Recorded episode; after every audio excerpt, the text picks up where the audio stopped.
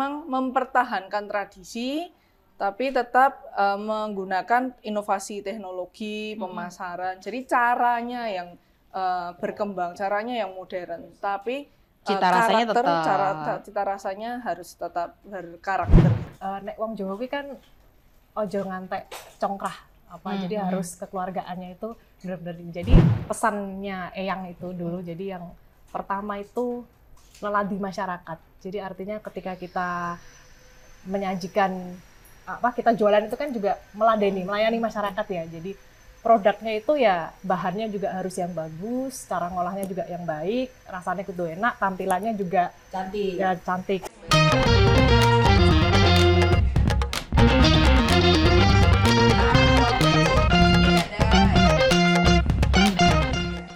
Halo, apa kabar?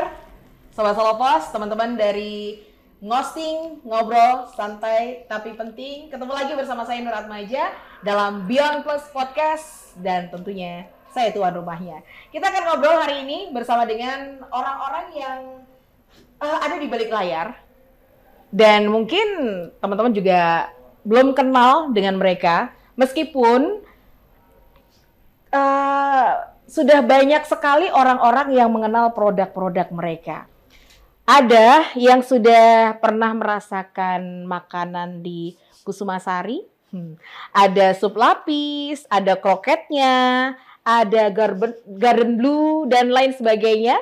Terus saya juga yakin pasti teman-teman yang suka kulineran yang ada di Kota Solo pasti juga pernah ya merasakan yang namanya roti kecik.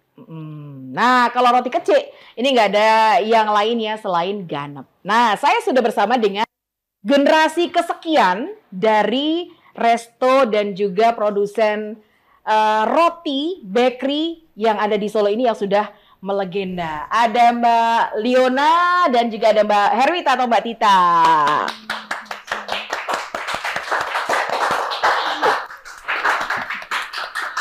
Oke, dan tentunya saya senang banget karena ada Mbak Liona. Apa kabar Mbak Liona? Alhamdulillah Baik. banyak promo. Banyak promo dan hari ini juga borong promo dia. Iya.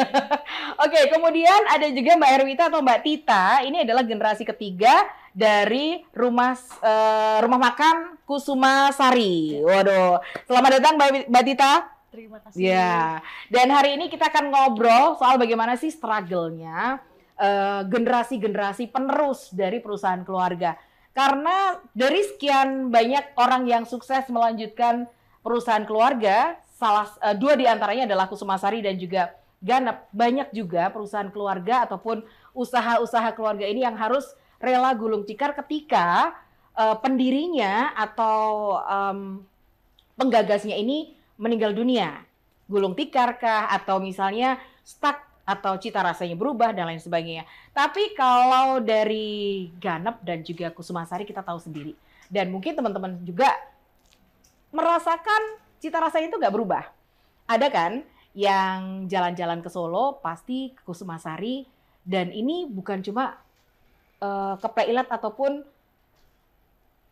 kulineran aja, tapi lebih ke mengingat masa kecil. Mungkin dulu zaman-zaman kecil sudah sering jajan ke Kusumasari atau sering jajan roti kecik. Nah, kita akan ngobrol dulu nih. Saya mau ke Mbak Liona dulu. Jadi Mbak Liona ini adalah generasi ke-6 dari Ganep, Ya. tradisi Solo. Iya. Waduh. Padahal sebelumnya Mbak Liona ini em, sempat kuliah di luar negeri cukup lama, bekerja di luar negeri cukup lama. Terus tiba-tiba dia datanglah ke Solo dan jadilah generasi ke-6 untuk handle perusahaan itu. Itu gimana ceritanya? Ya, itu yang ke- kejadian kehidupan aja, begitu aja, Mbak. Karena kan sering kali kan kalau udah apalagi di luar negeri Iya, berkarir. saya 10 tahun sih di luar. Nah, 10 tahun. Terus tiba-tiba mau ngurusin perusahaan keluarga gitu. Mungkin bagi bagi beberapa orang, aduh perusahaan keluarga nih kayaknya kok udah old school banget, lama dan lain Iya. sebagainya. Terus kalau kemarin waktu pertama kali diserahkan ke Mbak Leone gimana itu rasanya? Kalau perasaan ibu saya saya nggak tahu, tapi kalau saya ya kaget juga lumayan karena saya itu sebenarnya resign dari maskapai itu 2017 2000, Hmm. eh ya Desember 2017 eh, saya udah sampai Indonesia itu nggak kepikiran mau plan apa gitu sel- selanjutnya kan saya lumayan capek tuh dua tahun itu terbang tidur terbang tidur Ya. gitu ya mbak ya terus eh, balik Indo mau santai beneran nggak ada plan apa pun ya oh ya ulang tahunnya Ganep. sama Solo Pos itu kan mirip-mirip ya bulan Ya, April bulannya April. iya Hmm. nah itu pas ulang tahunan gitu kami memang biasa syukuran konferensi pers dan lain-lain tuh terus ibu saya tuh kayak melantik gitu loh menyerahkan tongkat estafet Kok ini tiba-tiba ya? Iya. Surprise gitu ya? Iya, terus saya apa bulan Februari atau Maret gitu ada balik ke Solo terus baru santai-santai. Biasa kayak setiap balik ke Solo itu selalu bantulah lihat apa yang bisa dibantu Mm-mm. sedikit-sedikitnya gitu lah. Itu udah tiba-tiba April ada eh, acara itu terus ya saya diserahin oh ya ini estafet gitu. Ya, masa kalau di depan media, di depan rekan-rekan, enggak, enggak, enggak mau kan ya enggak gitu ya guys ya. Ini ya, ya Oke, Terima oke. kasih. terima Iya, sendiko dawuh mawon. Kena gitu. prank dari Bu Uke ya. iya. Jadi eh, generasi sebelumnya. Tapi kalau Mbak Leona ini apakah memang satu-satunya generasi ke-6 atau ada lagi Nah, sebaiknya? Saya ada mas saya Nah, 8 kakaknya. tahun lebih tua dan juga saat ini membantu menghandle di catering fokusnya. Oh, jadi eh, meskipun ada dua tapi yang ganep ini diserahkan ke Mbak Leona untuk Ya. cateringnya ke Kami kakaknya. ada beberapa divisi, ada yang grosir, eh, produksi roti basah kue kering, ada produksi catering, ada eh, lali aku sampean. Banyak. Oh iya. Banyaknya. itu ya beberapa saya beberapa dia gitu jadi kami bagi tugas di situ Waduh. Ngoten. Tapi gimana kalau sekarang rasanya sudah enjoy? Iya. Oh ini nanti bisa dikasih efek menyublim ya. Oke, eh, saya mau pindah ke Mbak Wita dulu. Kalau Mbak Wita gimana tuh? Eh, ini kan masih kayaknya nggak jauh beda nih usia-usianya. Yang satu na- eh, generasi ke-6, yang satu generasi ketiga. Iya. Dulu pada saat pertama kali menghandle atau misalkan kalau ini kan kayak kena prank orang tua gitu ya. Hmm. Kalau Mbak Wita sendiri gimana? Kemauan sendiri kah atau memang juga di prank juga atau dipaksa? Ya kena prank keluarga besar juga sih kayaknya. Mungkin mereka pas waktu ada wangsit gitu ya, nggak tahu ada Ah. wangsit apa, tiba-tiba ya saya ditelepon gitu kan karena mungkin sebetulnya kalau generasi ketiganya itu kan banyak ya ada Hmm. 14, 14 orang. orang. 14 orang Cucu cuman kan ya, cucu. berarti. Oh. Cuman kan yang secara geografis deket kan saya di Jogja ya. Ah. Terus kayaknya kayaknya buat gaya apa ya cuman kayak kan saya kan di NGO dulu ya, jadi sering pendampingan ke desa-desa gitu-gitu kan. Mungkin dipikirnya wah ki kon ngurusi anu wae restoran wae. Ketoknya kok cek nganggur gitu ya. ya nganggur kan soalnya. Seakan-akan, seakan-akan padahal kerja. Nah, itulah, ya udah. Ya udah terus balik ke Solo nggak berapa lama. Terus udah suruh pegang ini sama saudara sih, tapi kan saudara di Jakarta ya. Ah. Jadi ya kayak sesekali satu bulan, dua bulan sekali datang sini nemenin gitu sih. Kaget Awalnya nggak? begitu. Kaget nggak? Istilahnya kan beda ya NGO sama resto. Ya, kaget sih. Cuman karena setelah nyemplung tuh saya lihat, oh ternyata karyawannya ini juga banyak yang jadul ya. Kalau saya di desa-desa, di desa-desa jadul Oh kok sama ya Iya, ya sama secara gitu. usia Oh, ya bisa gitu ya kayaknya bisa lah.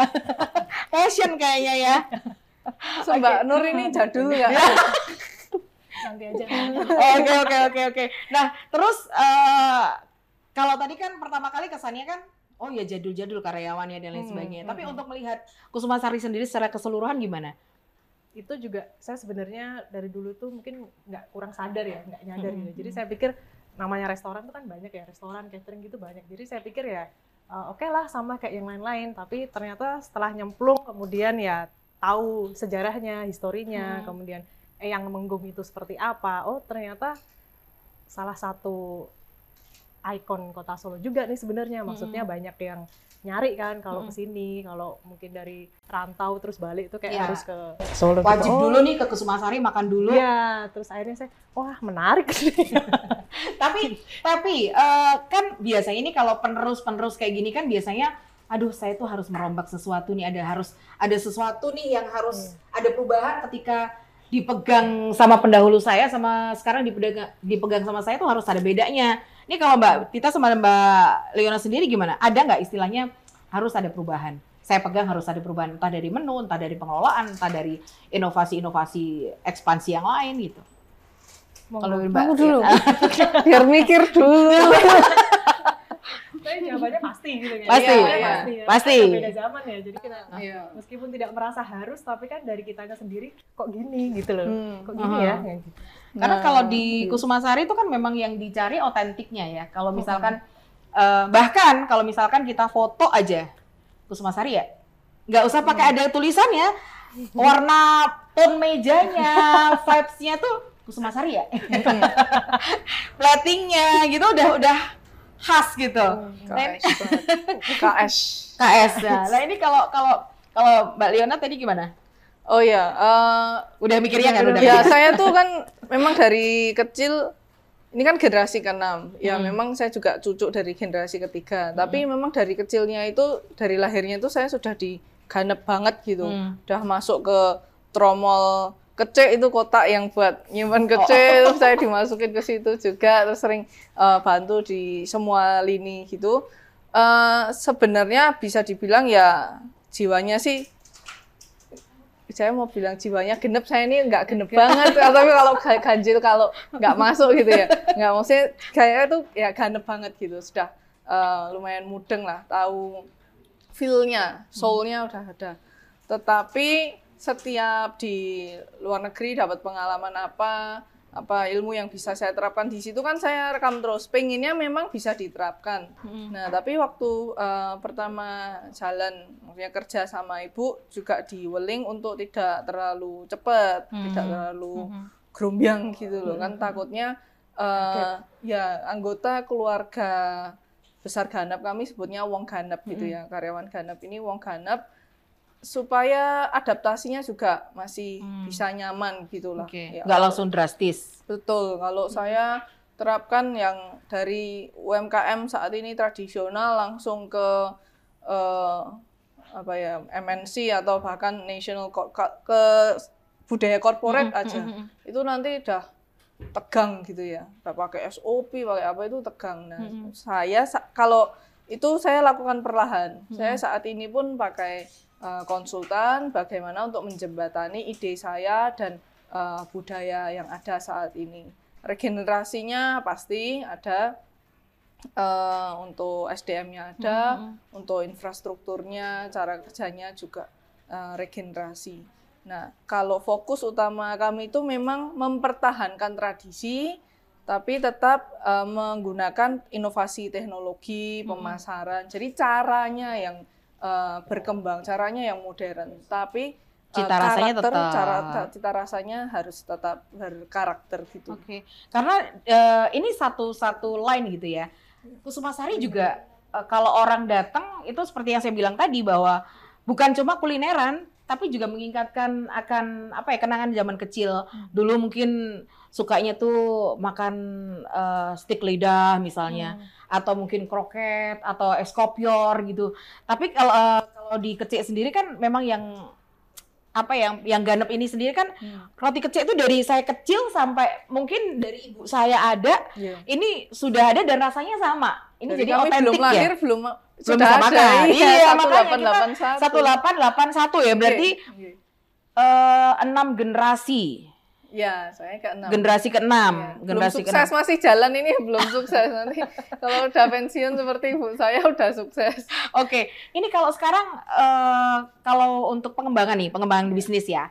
Karena bisnis tradisional dengan yang sekarang mau tidak mau harus di mix Hmm. dengan bisnis modern ya kalau dari Ganep sendiri inovasinya apa Eh, kalau sekarang ini kami fokusnya untuk produk sehat Heeh. dan lokal ya. Jadi begini, keta, eh, kecek itu kami eh, dapatnya wangsit ini adalah melihat dari produk-produk eh, pendahulu, produk-produk inisial kami, yaitu kecek, garut. Itu semua tuh nggak ada yang terigu. Oh oke. Ya, jadi terigu itu nggak tumbuh di Indonesia, makanya kami mau mempertahankan eh, kurang lebihnya kayak mendukung pemerintah untuk ketahanan pangan itu loh, ya kan? Itu kan Jadi nggak eh, cuma gandum Iya, aja betul, ya. gitu ya, ada yang bahan-bahan yang lain. Betul. Dan ya jujur aja terigu yang tidak tumbuh di Indonesia ini tadi uh, mengandung berbagai bahan kimia Hmm. ya untuk mengawetkan dari sananya mengolah untuk uh, tahan baik sampai saat ini kan berarti harus ada pengawetnya, ada pengeringnya, ada ya pemutih anti kempal. Nah itu yang uh, kami ingin tidak adakan di produk-produk kami. Oh. Intinya fokusnya lokal dan sehat ke depannya. Dan sebagai eh, perusahaan yang sudah bergenerasi ke generasi, ya kami itu concernnya bukan cuma jualan. Fokusnya bukan cuma cari duit, tapi juga bagaimana menyehatkan masyarakat, menyejahterakan masyarakat, dan juga wong ganep ini sendiri. Oke. Jadi selain daripada eh, kesehatan dari produk yang kami jual, eh, pesannya adalah kalau kami bisa beli dari tetangga, produk lokal, semuanya untuk tonggone dewe, untuk Indonesia itu akan lebih baik, tidak semata-mata untuk eh, cari duit Cari atau duit. keuntungan. Oke, demikian dua SKS dari Bu dosen kita hari ini. Tanah Nah, kalau Mbak Wita gimana? Eh, ini kan tadi kan udah inovasi-inovasi gitu ya, generasi kesekian gitu. Kalau dari Kusmasari sendiri gimana Mbak Wita dan tim? Apanya? Untuk eh, ini apa ya istilahnya pengembangan atau inovasi dari Kusumasari mungkin dengan memunculkan apa ya menu-menu yang kalau tadi kan memang ini ketahanan pangan yang enggak yang bisa dihasilkan di Indonesia. Kemudian eh, inovasinya belanja di dekat-dekat rumah aja gitu ya. Ya, Jadi itu semuanya- juga. ada semuanya- program-program juga sih. Ah, nah ini kalau untuk Macam-macam. Kusumasari sendiri gimana? Frozen itu. Yang Idem boleh ya? idem, idem, idem. boleh. Terus apa dong? Apa bedanya produk produknya beda atau kayaknya? Produknya, ah, ya, jadi secara garis besar sebenarnya sama ya kalau Ah. untuk perubahan yang terjadi. Jadi selain dari awal itu juga manajemen pasti ya, karena kan kalau dulu itu kan masih dipegang Eyang sendiri, karena kita kan baru generasi ketiga ya, iya. jadi masih ngalami ada Eyang itu masih Eyang sendiri, kemudian setelah itu anaknya. Hmm. Nah, jadi sekarang yang kita lakukan adalah ada struktur manajemen manajerialnya dari manajer, supervisor kayak gitu kita mulai tata. Nah, itu kita ambil dari pegawai-pegawai yang senior kayak gitu. Jadi Hmm. kita naikkan lah gitu kayak gitu. Terus sama juga untuk pemasaran, marketing kita juga nggak bisa gitu-gitu aja ya. Jadi tetap harus mengikuti perkembangan zaman, sosmed segala macam itu kita manfaatkan. Terus untuk pembayaran tadi Eh. Mbak Norway Sambat ya. Tempat curhat Nah, tadi. kok belum pakai cashless gitu ya? Pokoknya Tapi uangnya harus cash. Kalau nggak bisa Iya. cash nggak bisa. Du- Debit kemarin bisa. I- Iya baru Udah baru bisa, beberapa baru. waktu yang lalu Ah, masih belum bisa. Beberapa waktu yang gitu. lalu tuh, iya karena kan juga keterbatasan SDM-nya juga. Kalau Hmm. udah tua itu kayak takut gitu kan, harus harus pegang real duit nih Hmm. biar nah kayak gitu. Kita kan sudah regenerasi juga untuk apa namanya eh, sistem akuntingnya kayak kayak gitu juga kita perbarui. Terus untuk yang inovasi produk kita sebenarnya baru mulai di mungkin satu dua tahun terakhir ini ya. Kebetulan ada saudara saya juga. Jadi kita di generasi ketiga ini kebetulan apa ya istilahnya? Kolaborasi ya? Kolaborasi, kolaborasi. jadi ah, dari 14 orang itu mungkin setengahnya tujuh orang itu kita mengistilahkannya kayak board of director gitu kali ya. Oh, Ya, oke. Jadi kita yang menggodok misalnya ada strategi baru, produk baru, inovasi kayak kayak gitu. Jadi untuk fokusnya sekarang lebih ke cateringnya dulu gitu. Hmm. Sedangkan untuk yang di restorannya kita fokus di service di pelayanannya. Hmm, Oke oke. Karena kan eh, kalau generasi awal-awal mungkin learning by doing gitu ya. Iya. Kalau sekarang kan istilahnya sudah ada ilmunya nih, semuanya Hmm. harus jadi kayak misalkan oh idealismenya kayak begini, harusnya gini nih nggak bisa kayak gitu tuh gitu. Iya. Nah, tapi kalau untuk untuk tapi kalau tadi Mbak Leona kan dengan menggunakan konsultan Hmm. gitu untuk menjembatani. Kalau Iya. dari eh, Kusumasari sendiri, karena tadi sempat sebelum kita eh, take ini, saya sempat ngobrol dengan Mbak, Mbak Tita gitu bahwa eh, karyawannya ada yang paling tua, paling senior tak 60 sekian tahun, hampir 70, iya. hampir 70 Oh, iya. hampir 70 dan ini adalah apa ya karyawan paling senior Iya. Paling senior paling lama Paling lama. mengalami genera tiga generasi Iya. juga kerja di situ tuh sudah 40 tahun jadi saya belum lahir Hmm. udah kerja Udah di ada. Iya. Jadi- luar biasa Hmm, oke oke kalau apa pesannya Eyang itu dulu. Jadi yang pertama itu leladi masyarakat. Jadi artinya ketika kita menyajikan apa kita jualan itu kan juga meladeni, melayani masyarakat ya. Jadi produknya itu ya bahannya juga harus yang bagus, cara ngolahnya juga yang baik, rasanya itu enak, tampilannya juga Cantik. ya cantik ya. Bisa dilihat lah ya. Mungkin yang orang jualan selat beste itu di luar banyak, tapi Ya. kan jadi ya natanya beda, itu nah ya. kayak gitu. Terus kemudian eh, gawe-gawean kalau yang dulu tuh Gawe-gawe pesannya maksudnya gimana? Buka lapangan pekerjaan ya. Oh, Jadi gawe-gawean. gawe Oke. gawean. Apa Hmm. aja golek gawean. Kowe Oke. iki Gawe gawe gawean. gawean. Gawe Oke. gawean gitu. Hmm. Jadi dulu dari putranya Eyang juga apa pendidikan itu juga penting ya karena itu nanti yang akan meneruskan ini kalau Mbak Leoni dan lain apa keluarga mungkin sampai luar negeri kita luar kota dulu aja deh. Asal Ya. ilmunya sama, Ya, penerapannya Iya, juga ini ya. sama aja. ya gitu dan kemudian yang dianggap keluarga. Ini nggak cuman keluarga tapi sama juga. Jadi karyawan itu juga kalau itu wong ganep kita apa ya nggak ada sebutannya sih. Tapi istilahnya Waktu Sumasari oh, waktu Sumasari itu Eyang juga ngomongnya iki nggo kue kabeh. Kue kabeh itu tidak hanya keluarga tapi juga pegawai. Iki yo kudu. Jadi artinya apa? Kita nggak cuma mikir keluarga atau keluarga mungkin memiliki asetnya tapi bisnis ini yang punya adalah Ada yang sering kali terjadi eh, pada perusahaan ataupun usaha keluarga. Ketika si pe- pe- apa ya, pendirinya ini tidak ada, biasanya rebutan warisan gitu ya. ada yang eh, oke aku warisin namanya, aku tempatnya dan lain sebagainya. Akhirnya mecah. Ini kalau Kusuma Sari sendiri bagaimana? Sepeninggal yang menggung gitu ya. Eh, ini kan putranya kan banyak. Iya. Untuk untuk kesepakatan bahkan untuk Kusuma Sari sendiri ini kan bukan perusahaan yang kecil untuk sekarang ya. Bahkan bisa sangat mungkin untuk expand ke mana-mana. Sangat banyak disukai orang, bahkan sering kayak eh, waiting list juga gitu ya. Ini gimana kalau untuk mensiasati itu? Apakah eh, kamu aja yang kamu ya kamu aja, kamu aja atau gimana? Kalau untuk itu, alhamdulillah sih kalau Eyang dulu kan mungkin karena memang juga wong Jawa ya, Hmm. orang Kejawen gitu. Jadi misalnya kayak eh, Handar Beni, terus kemudian apa gotong royong. Maksudnya eh, nek wong Jawa kuwi kan ojo ngantek congkrah apa. Hmm, Jadi harus kekeluargaannya itu benar-benar di- jadi dari Eyang itu sudah di pokoknya deh, bisnis iki orento Eh, ojo ngantek kalau pecah. ya kalau untuk aset yang lain mungkin Silakan. silakan. Tapi bisnis ini adalah yang ini nggak boleh Kayak pepunden gitu ya. Ya. Pemersatunya. ya gitu. Jadi kebetulan kita juga setiap tahun kalau pas lebaran itu kan tradisinya meskipun udah nggak ada eyang ya, tapi tetap pulang ke Solo, pulang ke Solo terus jadi kita tuh punya pengalaman untuk ya sama sih bantu-bantu kalau resto rame segala macam gitu. Jadi semua ngeliat lah. Jadi kayak karyawan tuh juga tahu oh keluarga owner guyup kayak, kayak Hmm. gitulah. Dari 14 cucu yang menggung ini ada yang Hmm. istilahnya kayak eh aku kok nggak kebagian buat ngurusin ini ya atau iren-iren gitu kan biasanya kan ada ya. Sering. Nama, ya. sering itu kan biasanya ada gitu. Misalkan yang ini lagi naik ini lagi lesu lah kamu sih gitu. Jadi kayak iren lah ya. Ada nggak mbak? Enggak sih, jadi tradisinya tuh dulu juga yang tuh kalau tiap lebaran tuh selalu ngasih kayak amplop. Buat Bojol.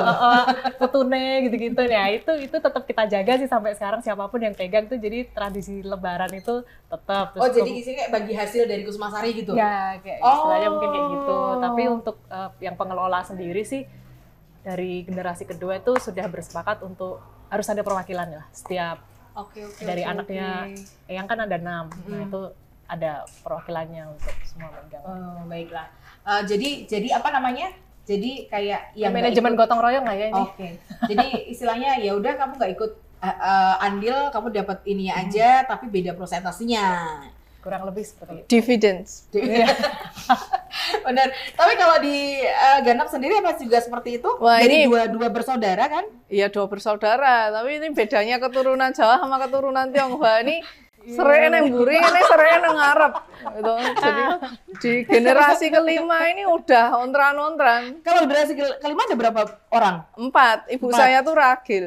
Oke. Itu ibu saya udah masuk penjara juga dilakoni. tak buka ke. Itu kalau yang sepantaran ibu saya dan ya eh, nenek saya itu mereka sebenarnya udah tahu siapa dan bagaimana. Nah, ibu saya kan ragil. mungkin juga sama seperti saya kami itu enggak kami sama-sama enggak pengen-pengen banget gitu meneruskan Ah, slow aja. Iya. Ya, tapi karena eh, satu-satunya putra, jadi anak laki putra mahkotanya ini ya mismanage. Ya, kalau yang sebaraan dia mungkin juga kenal itu, cukup tenar lah di Solo kan pengusaha muda juga dulu. Eh mismanage lalu ibu saya itu dipanggil ke Solo. Jadi sejak tahun Sebelumnya di 90-an mana? Jakarta. Oh, Jakarta. Ya, dia uh, teach English as second language gitu. Jadi udah bagus. Bapak saya juga udah uh, kerja di pabrik besar, eksekutif gitu. Jadi udah enak settle gitu. Kan mas saya itu tadi juga udah kelahiran Iya, Jakarta. iya, iya, iya. Udah 85 lah. Sa- uh, saya kelahiran di Solo 93. Nah, tahun 90-an itu ibu saya dipanggil ke Solo karena ganepnya itu sebenarnya udah dijual, sudah Oh. deal dijual. Nah, tapi masih ada rapat keluarga lagi berusaha dipertahankan lah ada eh, Bude ya tante saya Bude saya itu yang mem- berusaha banget supaya nggak kejual gitu ya Oke, terus masih ada rapat keluarga eh, Bude saya itu ngasih saran gimana kalau panggil yang Ragil adiknya gitu di Untuk Jakarta handle. iya coba itu lalu ibu saya dipanggil pindah Solo 90 itu terus saya lahir terus eh, 98 tuh kan kena kerusuhan juga Iya. toko kami juga habis Solo Pos tuh yang Iya. motret-motret kan banyak itu eh, toko juga kepotret kami pajang juga sekarang nah itu 98 terus nenek saya meninggal tahun 2000-an awal itu eh, ya serik. Sereknya, sereknya. Serik. ya kan? Eh, yang eh, anak pertama itu sebenarnya udah WNA nah tapi yang maju adalah eh, anak mantunya suaminya gitu. Itu ada yang nggak terima juga tuntut menuntut hal perdata ya beginilah kalau di Indonesia kita tercinta ya guys ya. Hal perdata ya wis iso mlebu penjara dilakoni ibu saya. Tapi eh, karena semuanya itu sebenarnya udah jelas hitam di atas putihnya itu sudah diurus oleh nenek saya perpindahannya ke ibu saya. Nah kalau benar tadi katanya Mbak Tita kan eh, ada dividennya itu sebenarnya di tempat kami itu juga sudah dibagi Ada. gitu ada sahamnya ada dividennya tapi eh, Tidak puas. ya mungkin satu tidak puas dan dua kalau dipikir kayak kowe entuk dividen lah ya kowe kudune eh, nabung Ikut stok ya. tuh ya toh maksudnya ada andilnya ada kontribusinya ini kan juga nggak ada dikasih itu nggak terima terus maunya eh, mungkin dipisah atau dibagi jual habis itu nggak tahu juga sih detailnya seperti apa yang penting eh, yang pasti eh, ada ketidakterimaan bahwa eh, semua bisnisnya itu ke ibu saya seperti itu. Oke. Kalau ini- sama sama mas saya masih aman sih. Oh masih aman, harus cuma ini. dua. Iya. Kalau yang sebelumnya kan ada banyak. Ya bukan cuma duanya, tapi bahwa kami sudah Tapi belajar dari iren-iren, sejarah toh. itu tadi ya. Yang penting nggak Dan iren-iren ada ya. pembagian yang jelas Ah, itu. Itu belajar dari yang kasus sebelumnya berarti. Iya, iya. Tapi sejarah itu penting tuh sebenarnya untuk benar, itunya. Benar, benar, Iya. benar, benar. Oke. Nah, ini eh, satu pertanyaan terakhir sebelum kita closing. Dari eh, pengalaman selama mungkin Mbak Liona dan juga Mbak Erwita sudah sudah belajar gitu ya dari sejarahnya jatuh bangunnya. Mungkin jatuh bangunnya lebih banyak dramatis yang ganep nih kayaknya daripada yang di KS. Tapi Nggak ketoro aja. oh, Jawa. Coba. Nah ini apa namanya? Apa menurut apa menurut Mbak Liona sama Mbak Erwita yang harus di apa ya? Yang harus eh, dipelajari oleh generasi penerus supaya istilahnya nggak mengulang lagi, nggak mengulang lagi, supaya lebih lancar ke depannya. Apakah pembagiannya eh, lebih besar prosentasenya atau gimana? Kalau Mbak Erwita gimana? Sebagai generasi yang penerus ini kan sekarang sekarang yang handle siapa? Berapa orang? Separuh? Em, Tujuh iya, orang? tujuh orang. Pembagiannya seperti apa? Pembagian pekerjaan Ya, atau Kepengurusan. Kepengurusan Oh, atau menghandle Kusumasari Ah, ah. dan catering ini seperti apa? sebenarnya kalau kita sama sih. Jadi apa namanya kalau untuk yang in charge Heeh. secara harian itu ada saudara saya nih Mas Wisnu ini kebetulan Oke. kan dia baru di tahun ini sih mulai full di sini karena dia Ini kan Mas juga Wisnu. Iya. Oh hai. ini apa Sepupu. pengalaman ya Oh, chef iya. kan dia jadi Oh. makanya kita mulai masuk ke inovasi produk di mulai di tahun ini. Nah, Hmm. itu memang lebih besar karena dia setiap hari di sini. Tapi kalau untuk yang tidak, yang hanya istilahnya kontribusi ke apa saran, kemudian istilahnya konsultatif ya, Ah. konsultatif kayak gitu ya beda.